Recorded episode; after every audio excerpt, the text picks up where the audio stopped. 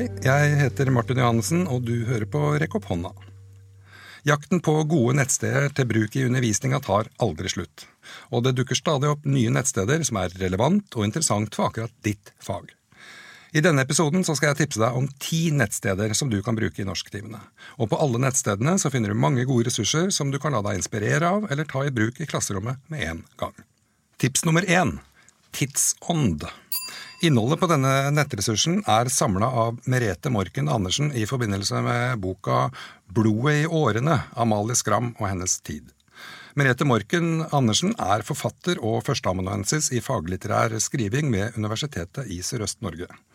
Nettstedet er bygd opp som en eh, tidslinje som inneholder drøyt 6000 hendelser knytta til skandinavisk eh, kulturhistorie, og den vokser daglig. Den kan sorteres på ulike vis, og du kan bruke den til å utforske personer, steder, temaer og hendelser slik du selv ønsker. Tips nummer to Sagnkartet. Lokalhistorie og sagn er viktige kilder til forståelse av både seg selv og hvor man kommer fra. I Norsk eh, folkeminnesamling ved Universitetet i Oslo finnes mange gamle sagn fra hele Norge. De fleste ble samlet inn på 1800- og 1900-tallet, og Asbjørnsen og Moe er vel de mest kjente samlerne. I det digitale sangkartet er hvert av sangene i samlingen plassert på det stedet i norgeskartet hvor det ble samlet inn og den digitale plattformen er et samarbeid med Norsk Folkeminnesamlings svenske søsterarkiv, Institutt for språk og folkminnen, og det norsk-svenske kartet inneholder over 6000 sang. og da er det alltid spennende å se hvilke sang som kommer fra akkurat det stedet du bor. Nummer tre Elevforlaget. Elevforlaget er et gratis undervisningsopplegg om skriving, publisering og opphavsrett, der elevene får lage og gi ut sin egen e-bok. Opplegget er et verktøy for å jobbe med skriving i alle fag, og er beregna på ungdomstrinnet. Tips nummer fire IMAL.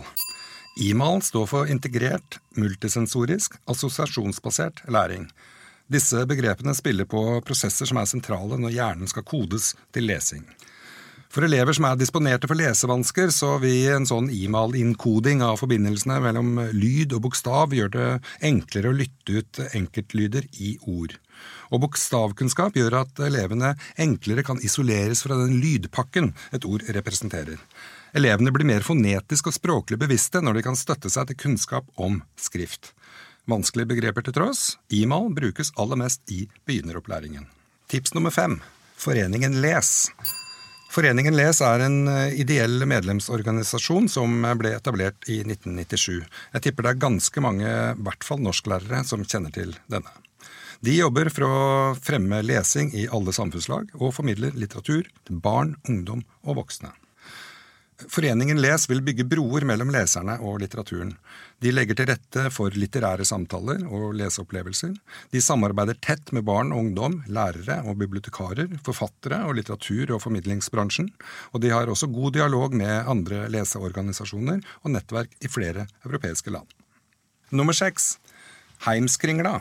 Heimskringla er en digital samling av nordiske kildetekster, primært eddadiktning, sagalitteratur og skaldekvad. Nå består nettstedet av ca. 6900 tekster, dels på oldislandsk, eller norrønt som vi pleier å si, og dels på moderne nordiske språk. Prosjektet har som formål å formidle norrøn litteratur på internett. Så i tillegg til de kildetekstene på originalspråket, så finner du også diverse oversettelser til eh, skandinaviske språk, da, som norsk og svensk og dansk. Du finner også klassiske vitenskapelige tekster der, og annet som du kan bruke til bakgrunnsmateriale. Det er vel kanskje mest interessant hvis du er litt oppe i eh, utdanningssystemet. Men mange av disse tekstene er også fine å bruke for deg som underviser helt ned på mellomtrinnet. Nummer sju Glimt fra et flerspråklig klasserom. Bloggen til Tone Evensen er kjent for mange skolefolk og hører absolutt med på denne lista over nettsteder som du kan bruke i norsktimene. På bloggen finner du mange gode ressurser og nyttig informasjon du kan ta i bruk når det gjelder minoritetsspråklige elever. De har også en egen podkast. Åtte. Klar tale nettavis. Har du dysleksi eller andre lesevansker? Er du innvandrer og vil lære norsk? Klar tale er Norges eneste lettleste nyhetsavis. Stor skrift og enkelt språk gjør avisa lettere å lese enn andre aviser. De skriver om både Norge, verden, kultur og sport. I tillegg lager de lengre temasaker. På Klar tale finner du alltid de viktigste nyhetene. Du kan også få lest opp nyhetene, få større skrift eller symboler når du leser. Tips nummer ni skolekassa. Skolekassa har sider for mange fag, og selvfølgelig også norsk. Oppgavene er sortert som lytte og tale, lese og skrive, språk og kultur og lese- og skriveopplæring på morsmål.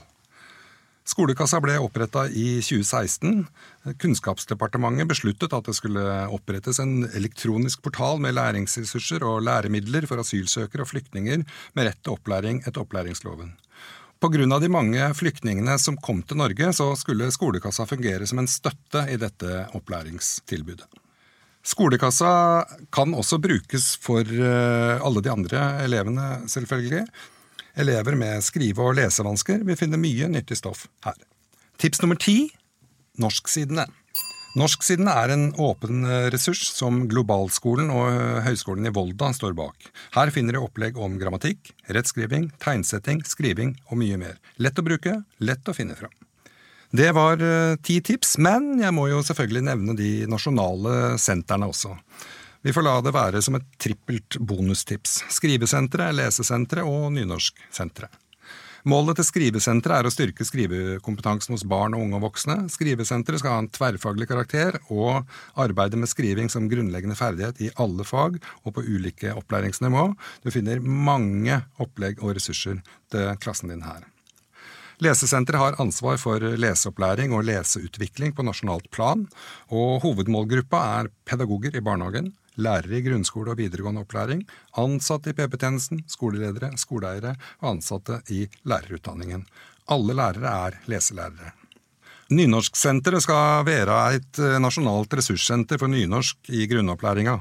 Senteret skal ha som hovedoppgave å leie og koordinere arbeidet med nynorsk i opplæringa, arbeidsmåter og vurderingsformer.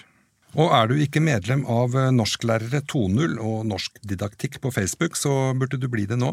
Der finner du også tips til opplegg som folk deler og diskuterer. Og hvis du googler 100 nettsteder du kan bruke i klasserommet, så kommer du til en lang liste med nettsteder som er fine å bruke i fag som engelsk, matematikk og kunst og håndverk. Takk for at du hørte på Rekk. Vi håper du får bruk for tipsa, og kom gjerne med tips tilbake. Vi høres!